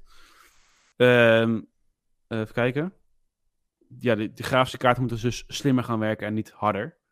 Dus dat zorgt ervoor dat misschien ook meer games, eh à la GTA bijvoorbeeld, die toch een open wereld hebben waar het moeilijker is om 4K 60 fps te bereiken, dat ze aan de hand van deze technologie wel gewoon 4K 60 fps kunnen aanbieden. Dat je niet alleen Ja. maar of dit of dat moet doen. Ja, en ehm, wat een beetje tussen neus en lippen door nog, eh, er ook nog bij kwam, is dat die ehm, Radeon Super Resolution, en ik weet niet of dat nu onderdeel is van dit eh, Fidelity FX verhaal, of dat er Ja. net ernaast staat, maar ze hebben, eh, en dat is wel een hele interessante, ze hebben nu op driver level ook een soort van super resolutie of een up upscaling techniek beschikbaar gemaakt. En eh, de kwaliteit da- daarvan is, eh, ja, het, is wat ruwer dan echte DLSS of Fidelity FX, hè, wat dan niet te onderscheiden is van, eh, van volledige native 4K. Eh, dus dit is wel wat ruwer, maar dit is wel iets waar, eh, wat ze eh, beschikbaar kunnen maken op driver level. En dat zou dus betekenen dat je pas, boem, ineens al die games Wel, op, ja. eh, zeg maar, zonder dat, dat de ontwikkelaar daartussen hoeft te komen, ineens op een hogere resolutie kunt spelen. Eh, wat eh, ja, eigenlijk ook heel goed richting native gaat. En dat zou zoiets kunnen zijn wat ze naar de console brengen. Hè? Net zoals wat we met eh, die auto HDR bijvoorbeeld hebben gezien. Of met dat eh, 60 fps verhaal. Dat er toch op driver level wat wordt geschroefd. Dit is ook iets wat ze zo naar de console kunnen brengen. Ja. Ja. Is nice. Ik zie trouwens een rectificatie, jongens, in de chat. Oh jee. Evil Terror zegt van eh Deliver as Mars komt wel gewoon in de Xbox. Er Ah, staat gewoon in de laatste, laatste PR in de tweet, zeg maar, staat gewoon PlayStation 5, Xbox Series X en S, PlayStation 4, Xbox One en PC. Klopt. Ja, Ik weet dat oké. De trailer was, eh, of eh, dat is dan, ja, dat is een beetje het verneukeratieve. Eh, Microsoft doet exact hetzelfde, maar die trailers die bieden ze dan aan op hun kanaal. Maar eh, dat wil niet zeggen dat die game dan ook exclusief voor PlayStation Nou ja, of voor daar had ik een beetje van afgeleid inderdaad. Van, daar stond gewoon PS5, PS4. En dan dacht ik, oh ja, dus, dus Xbox niet. Maar ja, Xbox Ken je ook kennen, is dat inderdaad, ja. Ja. Eh, goed, tot zover het technische aspect een beetje hè, van de Super Resolution. Eh, tussendoor zie ik Epic en Xbox doneren opbrengst naar Oekraïne. Ik weet even niet met welk initiatief het was en hoeveel het is geworden uiteindelijk. Of dat ze het structureel gaan doen. Misschien Ja, weet jij nee, meer. is tot, eh, tot volgende week. Ze staan nu op 73 miljoen. Eigenlijk alle in-game Oh, aankopen, eh, Battle Pass, eh V-Bucks, gaat allemaal, als je dat via de Xbox doet, dan gaat dat allemaal naar, naar een goed doel. Of ja, op de een of andere manier komt dat in Oekraïne. En dat is Ja. een flink bedrag, dus eh, het is een samenwerking tussen Epic en Xbox. En ze zijn over de 70 miljoen, dus dat is netjes. Ze- maar- is het ook niet dat, dat, dat ze tegelijkertijd gewoon daarmee kenbaar maken hoeveel ze verdienen überhaupt in zo'n korte periode? Ja, ja, dat is echt insane inderdaad. En, dan is, en hier zit, dus, zoveel. hier zitten niet de opbrengsten van PlayStation bij of PC. Ja, Nee. PC denk ik trouwens wel, natuurlijk Epic zelf. Maar eh, PlayStation en Switch zitten er niet bij. En Android ook niet. Er staat Ja, hier, eh, Epic Games en Microsoft are donating all Fortnite proceeds towards humanitarian relief. Ja. Dat is toch gewoon, eh, als dat nu al daarop staat. De, Ja, heeft- in een week tijd. Want het was Nee, maar- eh, bij nee, de... Nog niet eens. Er is dus 36 miljoen dollar in 24 uur tijd is er al opgehaald. Nee, joh. nee. Ja, dat staat er in een nieuwsbericht. Fucking mooi. Nee, maar de teller staat nu op ze- iets over de 70 miljoen. En dat is Ja, sinds een week. Maar goed, dus ja. eh, Eerst 24 uur ging harder dan eh, wat, dat, wat dat betreft. Ja, dat is, ja, maar dat had ermee te maken dat eh, die, eh, die, dat is ingegaan op de dag dat het nieuwe seizoen van Fortnite lanceerde. Dus Ah, ja. iedereen Oh ja, precies. Pass ging Ja. kopen. Die was Yes. vorige week inderdaad. Ja. Dus iedereen die ging toen kopen. Ja. Dat was echt trouwens rampzalig met die, die servers die het niet deden. En eh, dat, die st- eerste 24 uur, die start was niet lekker trouwens van dat seizoen. Maar, eh, en ze hebben het bouwen eruit gehaald, overigens. Even, dat is wel leuk voor de? Hè, de... Ik bedoel, onze generatie kan helemaal niet meedoen met dat bouwen. Maar Nee. eh, we delen nu de lakens uit, kan ik je zeggen. In, eh, in Dat zeg je goed, ja. Onze generatie komt gewoon niet mee met het bouwen, volgens mij. Dat is echt gewoon iets Nee, wat ik soort had het van- ook hoor. Mijn, mijn zoontje die is helemaal Oei, oei, verknocht oei. aan eh, Fortnite. En eh, ja, dat is gewoon een soort van tweede natuur, joh. Dat, Ja, en dat, dat, alsof er iets in de hersenen is gewoon Ja. ontwikkeld nu. en dat het switch. En ik denk van, ja, ik, ik heb het idee dat ik gewoon, ik voel me ineens een opa, joh. Gewoon naast hem. En ik zit te klooien en dan, oh, even switchen naar de bouwmodus. Hoe En dan dat kan ik nou? even wat bouwen en dan zit ik even te kijken naar de knoppen en zo. En Ja. dan eh, bij Zo, hem, ja. dan, daar heeft hij een heel hotel heeft hij staan. Ja, precies. Ja. Ja. Zo gaat het bij Luno ook inderdaad, ja. Ja. zo'n opa goed. die er gewoon het gaat typen met één vinger zo tik. Ja, zo voel je dan. Dat is mijn oude buurman, weet je, die dan zeg maar zijn hele broodblad, de icoontjes staan overal. En dan vraag je Ja. je af van, ja, maar waarom is dat dan zo? Maar die, die kunnen niet dubbel klikken. Die dubbel klikken niet, maar die, dat, die klikken dan één keer en dan de tweede keer dat ze Ja. klikken, dan blijven ze die knop ingedrukt houden en die icoontjes die, die schuiven het scherm over, joh, op en neer. Oh, jee, jee. Ja. Ja. nou, dus dat. Goed. ehm, last but not least. En dan moeten we eigenlijk alweer een beetje gaan afronden. Er Oh kwamen nog een paar eh, aankondigingen van eh, eh, de Future Game Show af. En eentje die me heel erg opviel was ja, een soort Rocket League met golf. Het zag er echt heel tof uit. Het heet Turbo Golf Racing. En nou ja, goed, zoals ik al zei, het is Rocket League. Dus je kan ook gewoon weer boosten, vliegen en noem maar op. Alleen je moet dan nu is in ook plaats van van je uh, arena hebt. Psyonix dan? Nee, het is van een Huge Calf Studios. Oh, dat is gewoon heel wat anders. Maar het ziet er echt... Maar dit is gewoon exact ja, het is hetzelfde ook, gewoon, ja. het- precies. En in plaats van dat je een arena hebt, heb je dus nu gewoon één lange baan. Waarmee je jouw golfbal naar het einde van de baan moet zien te krijgen. Via allerlei trucjes ook.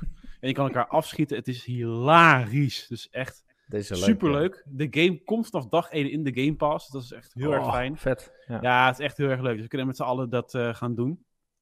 Maar niet En helemaal wanneer? bekend Wanneer het komt die? uitkomt. Zijn dat voor de beta staat alleen maar. Dus ik denk dat er gewoon geen release nog is. Maar Beta beta, nou, beta kan wel enigszins nog duiden dat het misschien in de komende maanden toch uitkomt. Mhm. Maar eh, ja, het ziet er zo lollig uit. Het is echt heel erg Dit is echt een community game. Als Ja, het een beetje lekker loopt. Ja.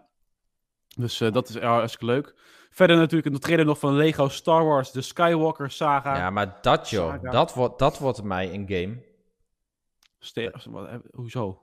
Nee joh, er zitten zoveel verschillende gameplay elementen in. En ze zijn hier zo lang mee aan het ontwikkelen. Al die karakters, over weet je, dat is weer super grappig. Ja, Ja. Van Lego, ja, hoezo? Ja. Ah, oké. Ja, ja, dat het drie ja volgens mij wordt het echt een, een, een, een, een sleeper hit hoor, dit. Nou, dit is geen Nou, sleeper. niet. hit. De, de, daar staan mensen al voor in de rij, joh. Ja? Ja, Ja, ik denk echt. het ook. Nee, dit is zo lang in ontwikkeling. En eh, ik zit ook in de Game Mania Discord toevallig. Nou, die mensen werden helemaal lauw. Maar meen je dit echt? Of zit je een grap te maken? Nee, dit is serieus. Ja. Nee, maar er zitten zoveel gameplay elementjes in. En, en van die minigames. En al die iconische dingen van die van, ja, gewoon de hele saga zit er gewoon in. Het is echt immens, joh, die game. Dat is niet normaal, dit. Ja, maar de, de saga Het- eh, oh, dat is gewoon vanaf deel 1 natuurlijk. In plaats Ja, van, dit is eh, alles. ja. eh, Iedereen zit erin, ja. Ik dacht de laatste drie films. Dan moet ik ook gelijk een artikel eventjes bijwerken. Doe ik gelijk wel eventjes. Dus het is gewoon van 1 tot en met 9 eigenlijk, als het ware. Ja. Ja. Eh, nou ja, Ja, dus we hebben Ja, Darth Vader ja, en zo, met negen. ja, Kylo Ren. want in elke film zit Skywalker, dus wat dat betreft. Ja, precies. Oké, dit is gewoon een Star Wars 1 tot en met 9 game, als het ware. Nou, dan misschien ga ik het nog wel proberen. Anyways, die komt dus eh, de- uit. Ehm, eh, ik zal het even aanpassen. En er komt ook nog een hele leuke game uit. Het is een soort van Paper Mario game. De Outbound Ghost heet dat. Ja. En eh, het is een soort van Paper Mario RPG eh, voor onze Xbox. Ziet er super leuk uit. Het gaat om geestjes van die super schattige spookjes. En weet je waar mij dit aan deed denken? Jullie Nou. weten het direct. Ja? Nou, ik bij tot nu Niet? toe nog niet. Niet? Cuphead. Nee. Oh. Kijk alleen naar die game, joh. Bedenk dan even zo'n regenwolkje. Oh, Rain on Your Parade. Ja, man. Ja. Ja, inderdaad. Direct. Ja. ja, dat klopt. Ook qua kleuren en qua view van de camera. Ja, dat, eh, en voortbewegen. Maar dit ziet er leuk uit. Ik had dit gemist, joh. Dit, eh, dit, Ja. Leuk, hè? Is dit een turn-based eh, game of wat? Nee, volgens mij is het gewoon door de hele wereld heen lopen en gewoon eh Volgens mij echt een- RPG. Zo'n klassieke RPG. Dat je dan in battles komt. Een beetje Pokémon-achtig. Dat. Ja, als in turn-based eh, tactical eh, fighting bedoel je? Ja. Als je gewoon, ja, Ja, dat wel. Ja, ja klopt. Ja. dat is zeker waar. Ja, dat wel. Nou, maar goed, voor de rest ziet het natuurlijk super leuk uit. eh. Ja. Nou ja, en voor de mensen die denken van ja, ik, wil, ik heb toch mijn roeping gemist. Ik wil toch vrachtwagenchauffeur worden. heb je Alaskan Truck Simulator. En eh, daar, daar, daar, waan je in de prachtige omgevingen van Alaska. En dan heb je gewoon zulke uitgebreide gameplay dat je ook gewoon kan liggen, slapen in je vrachtwagen. Je gaat bij een tankstation tanken. Eh, je hebt een keukentje waar je eten kan maken voor jezelf. En eh, statistieken die je omhoog kan doen met allerlei soorten dingen die je kan vrijspelen. Kun je ook gehaktballen Het- eten dan? Het, van mij wel. Het moet Ja, joh. Hier, Serieus. gewoon bij het eh, keukentje. Hartstikke Dus, eh, nou ja, goed. Tot zover eh, de mensen die dat willen en toch van, ja, ik wil het gewoon alleen maar virtueel doen. Eh, Alaskan Truck Simulator. Nou, Gaan we over wel. naar de laatste, Lego Bricktales. En Lego Bricktales is een nieuwe soort Lego game en waar je ook echt nu moet bouwen. Dus het wordt niet meer automatisch gedaan, maar je hebt nu echt gewoon zo'n... Ja, het is een beetje, het is een isometrische game, ook wederom. Dus echt vanuit een isometrisch perspectief.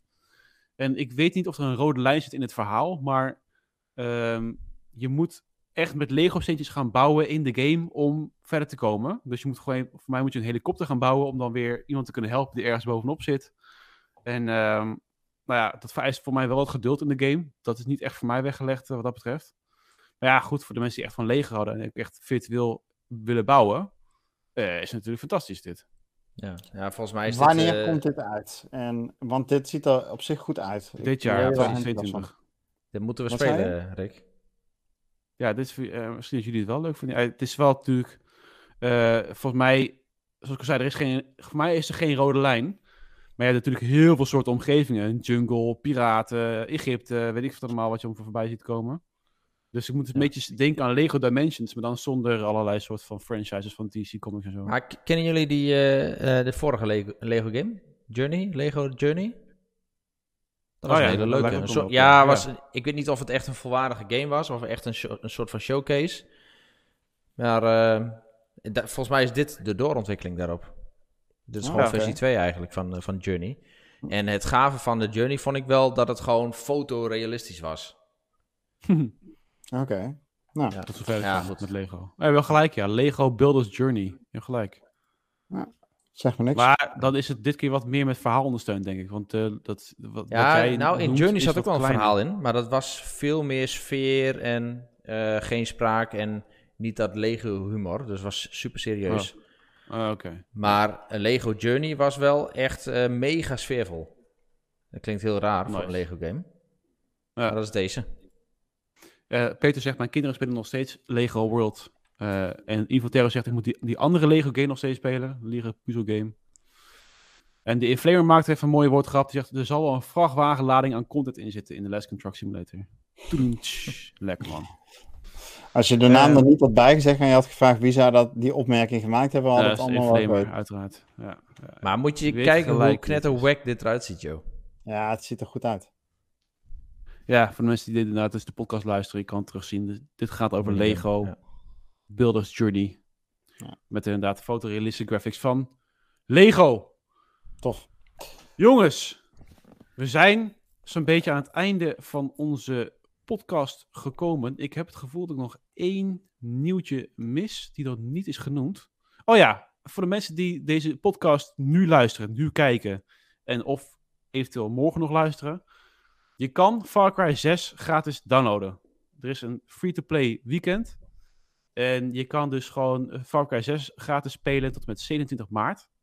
Inclusief de DLC en allerlei updates die ervoor uit zijn gekomen. Mijn download staat al aan, dus ik ga ook echt eh, ermee aan de gang dit weekend. Eh dat is voor de mensen die dus niet Far Cry 6 hebben gespeeld, uiteraard. Want ik, ik, heb, hem ik heb hem destijds laten liggen. Of nou, ja, weet je wat. Is mij die 70 euro niet waard. Of 80 euro, wat het ook kost. En ehm, er is ook een nieuwe update nu voor de Far Cry franchise. Dat is The Vanishing. Dat is de crossover met Stranger Things. En eh, nou, dat ziet er toch wel erg leuk uit. Met de stealthy gameplay en noem maar op. Mooi. Dat was even de laatste update voordat we eh, overgaan naar wat we zelf hebben gespeeld deze week. Gooi hem erin, Jeff.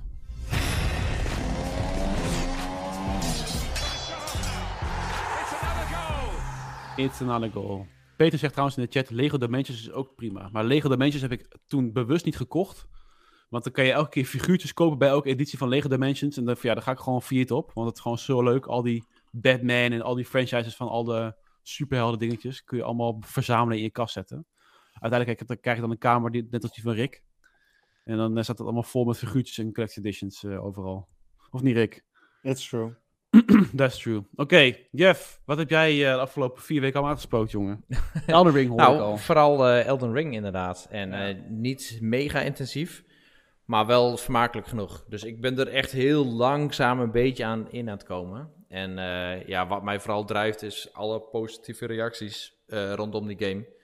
Dus dat houdt me wel een beetje op de been. Want als je dit echt helemaal zelf moet gaan ontdekken eh, van tevoren, dan eh, heb je hier wel be- een behoorlijke kluif aan. Maar er is ook genoeg online te vinden hierover. En eh, dat is wel fijn, want ja, ik heb niet heel veel trek om ja, gewoon eerst tientallen uren hierin te steken en een beetje trial and error die game te ontdekken.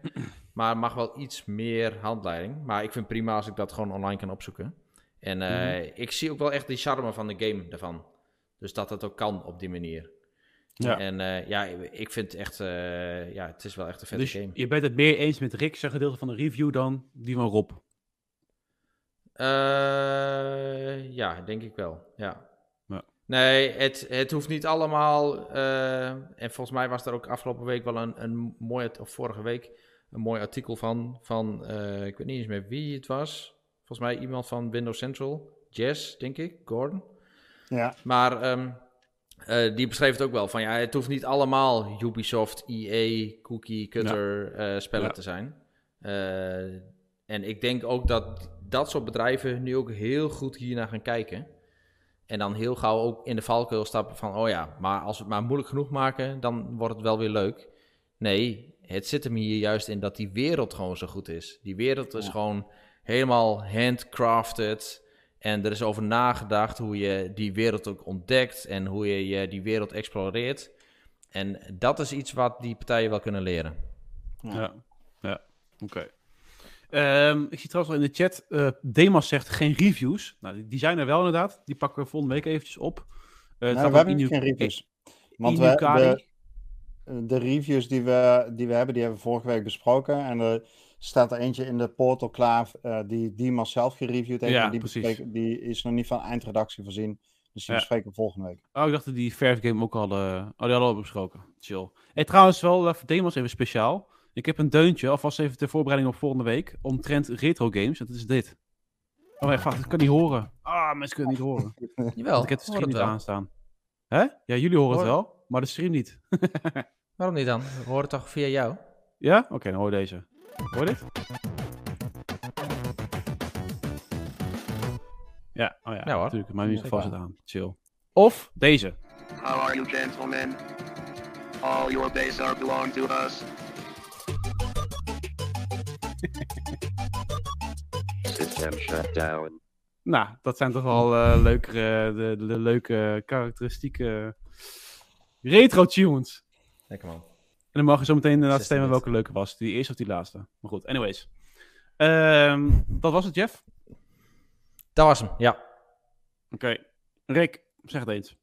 Ja, niet zo heel veel. Ehm, ik heb wat ehm, Borderlands 3 gespeeld in eh, voorbereiding op eh, Tiny, Tiny Tina's Tina. Wonderlands. ik dacht, nou, Borderlands 3 heb ik nooit uitgespeeld. Eh, in ieder geval, tenminste, ja, volgens mij kun je die game uitspelen. Er zal wel een soort einde aan de story zitten en dan ga je de endgame in. Maar, ehm, eh, dus daar heb ik, heb ik wat in gedaan en dat was wel weer fijn. Ehm, ik heb eerst drie, vier uur in Tunic gespeeld. Nou, daar hebben we al veel over gesproken. Ik sluit me helemaal aan bij wat jij daarover verteld hebt, eh, Niels. En Ja. ik, heb, ehm, ik ben begonnen met Kirby en The Forgotten Lands. Oh ja, en dat is een toffe game, man. Dus eh Ja. een beetje de Last of Us vibe had ik erbij qua uitstraling. Ja, dat zag ik in de trailer eh, al toen. Ja, en ehm, Wat? The Last of Us? Ja. Kirby, Kirby meets The Kirby? Last of Us is het, voor het Ja, Switch. als ja. The Last of Us een cartoony eh, Mario game zou zijn geweest, dan zou Ja. die er exact zo uit hebben gezien. Exactly, ja. ja, ja, Gaaf, precies. Ja. joh. Dat Serieus? is echt wel eh, grappig. Nee, heel tof. Echt hele. eh, nou, ik heb er pas twee uur in zitten hoor. Maar eh so far echt een hele goede, leuke, verfrissende game. En eh, nou, volgende week ga ik daar meer over vertellen. Ik hou het er even bij voor vandaag. Nice. Ik zie hier in de chat Ja, nog van eh Tunic, Halo, Master Chief Collection, Indukari. Wat Demas zegt dat hij heeft gespeeld. En eh Demas is voor mij heel erg blij met onze tune. Want eh, ja, zijn liefde is gegroeid. Allebei gewoon, zeggen. achter elkaar plakken. Ja. Ja, gewoon allemaal achter elkaar. Eh, ik heb eh, deze week uiteraard Tunic gespeeld eh, en uitgespeeld. Behalve de laatste baas, die kon ik gewoon niet aan. Die was gewoon mij echt veel te moeilijk. Dus ik heb God mode aangezet. Ik kon niet meer. Ik dacht van ja, ik ga niet nog vijf uur besteden hieraan. Dag. Dat is echt leem, jongen. Ja, dan ben je echt een loser, ik weet het. Maar ik, ik, ik kreeg het gewoon niet voor elkaar. Ik dacht, ik ga me frustreren. Uiteindelijk ga ik de associatie met deze game gewoon... Het wordt gewoon niet leuk, dus... eh, ik heb het dus gehaald, de eindbaas. Ja, je hebt een God mode. En dan kan je gewoon, zonder dat je schade krijgt, kan je door de game heen lopen. Maar ik- goed, ik, ik, ik kwam door de hele game heen. Behalve de eindbaas. Het is gewoon niet gelukt om die te verslaan. Want ik dacht van, oh, hij is verslagen. Oh, er komt fase 2. Oh, het was echt zo'n Dark Souls fases, momentje. ai. Eh, dus eh, nee, dat is heel erg. eh, dat was mij echt te pittig. Dus complimenten aan Evil Terror en Demas die dat wel zonder God mode hebben gedaan. Ik, ik, ik kreeg het niet voor elkaar. I have failed you. En verder heb ik eh, gespeeld eh, Assassin's Creed Valhalla. Ben ik de updates aan het spelen, de DLC. En ik, ik blijf erbij, jongens. Valhalla is toch bij mij. Ik dacht dat het Assassin's Creed 2 was, maar Valhalla is bij mij gewoon de beste Assassin's Creed. Ik weet niet wat het is. Het is gewoon zo'n vette game. De beste Assassin's Creed. ja, Gaast, het is, jongen. het is helemaal mijn ding. Het is zo, het is beste game de vikingen het vikingenthema, de landschappen, de, de, de gameplay features, dat opbouwen van die, oh ja, het is gewoon echt super vet. Dus Ja. eh, daar, ben ik echt heel erg blij mee. En voor de rest heb ik niet zo heel veel gespeeld volgens mij. Zeg ik dat nou? Ja, dat zeg ik nou wel. Het is voor mij niet waar. Voor mij mis ik nog een game. Maar dat maakt niet uit. Dat zien we dan volgende week alweer. Eh jullie krijgen allemaal een achievement voor het beluisteren van deze podcast. Weer een uur en een kwartier eh, lang zowat. Ja. Ook onze misschien, hè, nu, nu we toch nog een, eh, een kwartier over hebben. Want eh, we gaan toch uit af van nee, nee, nee. Zo Ik, eh, niet. hebben jullie niet dingen gespeeld? Eh, Horizon, Forbidden West? Ik, ik, ik hoor daar Nee. heel weinig over nu. Nee. Nee, ik, ik nee. wilde daar pas na eh, Tiny Tina's mee aan de slag gaan. Ik heb hem al liggen, dus... ehm, maar goed, ik was met Eldering 80 uur bezig en nu dacht ik, ja, daar heb ik nog 5, 6 dagen hè, tussen Eldering en Tiny, Ti- of hoe die game dan ook heet. Tiny Tina. Tiny, Tiny Tina, die titel. Tongbreker, Tongbreker Tiny Tina. Onbreker, Ja. ja. Maar eh, ik dacht, nou, dan ga ik niet Horizon spelen. Dus die ga ik nou over een week of twee mee aan de slag. Want jij hebt hem wel al gespeeld, Jeff? Nee, maar nee, ik heb geen PlayStation. Maar ehm, er was zo ontzettend veel hype voor die game, joh. In aanloop. Ja. Ja, maar die was dat nou twee ja, keer weg twee- ook gewoon. Twee weken geleden. Maar de- toen Ja. kwam die game uit. Ik Ja. hoorde een week lang van, oh, wat is die onderwaterwereld mooi. En Ja, nu hoor ik er niks meer over. weet je waarom? Ja. Horizon kwam uit en een week daarna kwam Elden Ring uit. En toen was het gewoon gelijk alleen maar Elden Ring. Ja, precies. Ja. Ja. Dus eh Terra zegt het ook al. Elden Ring kwam gewoon tussendoor en die heeft echt alle hype eh, weggenomen van eh, Horizon. Ik ben al bezig met de DLC trouwens van deel 1. Dus Forbidden, nee niet Forbidden West, hoe heet het nou? Frozen Wilds. En die ben ik nog steeds aan het doen. En GTA Online trouwens was mijn laatste nog wat ik heb gespeeld deze week. Oh ja, dat heb ik ook nog gespeeld. Ja. Even GTA Online, eh, al uh, heist met eh, Domingo, Jasnel en Peter. Echt hilarisch en het is trouwens heel erg leuk. Dus eh, dat betreft vind ik GTA Online wel Ja, dat is waard. ook leuk. Ja. Ja, het is echt super En tof. even credits where credits are due. Ehm, het is een goede update, vind ik. Die, eh, die GTA 5 Next Gen upgrade. Hè? De beelden zijn beter, het, het oogt en Ja, ja, speelt soepeler. Ja. Het is, Ja. eh, Ik vond het er wel die 10 Die euro. laadtijd ook. 20 ik eh, vond het wel waard. Ja. Ja, Ja. Nee, same.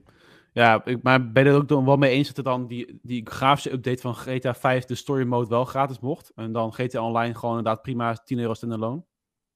ja, zou ik prima vinden. Ja. Ja. Ja, precies. Maar goed. Eh, dus tot zover eh, nog even alle laatste nabrandertjes. Of wat ze in de vergadering altijd zeggen, hè? De WVTTK. Wat verder ten tafel komt. Ja, precies. Ja. Ja, die Dus eh, iedereen Dus, eh, een ik hartstikke fijn game weekend. En ehm, eh, leuk dat je weer bij was, Jeff. Hey, Ja, is toch een fijn leuk. in al die weken. Nou, en ook even, even als we toch over credits aan het strooien zijn, ook credits voor jullie. Gewoon voor de winkel open houden en eh, lekker podcast Ja, doen. Was, was echt heerlijk, ja. Ja, lekker man. Eh, ik mocht toch in onze zak steken, Rick. Deze Ja, nou, die ga ik, eh, dat- die, die, die ga ik meenemen. Ja.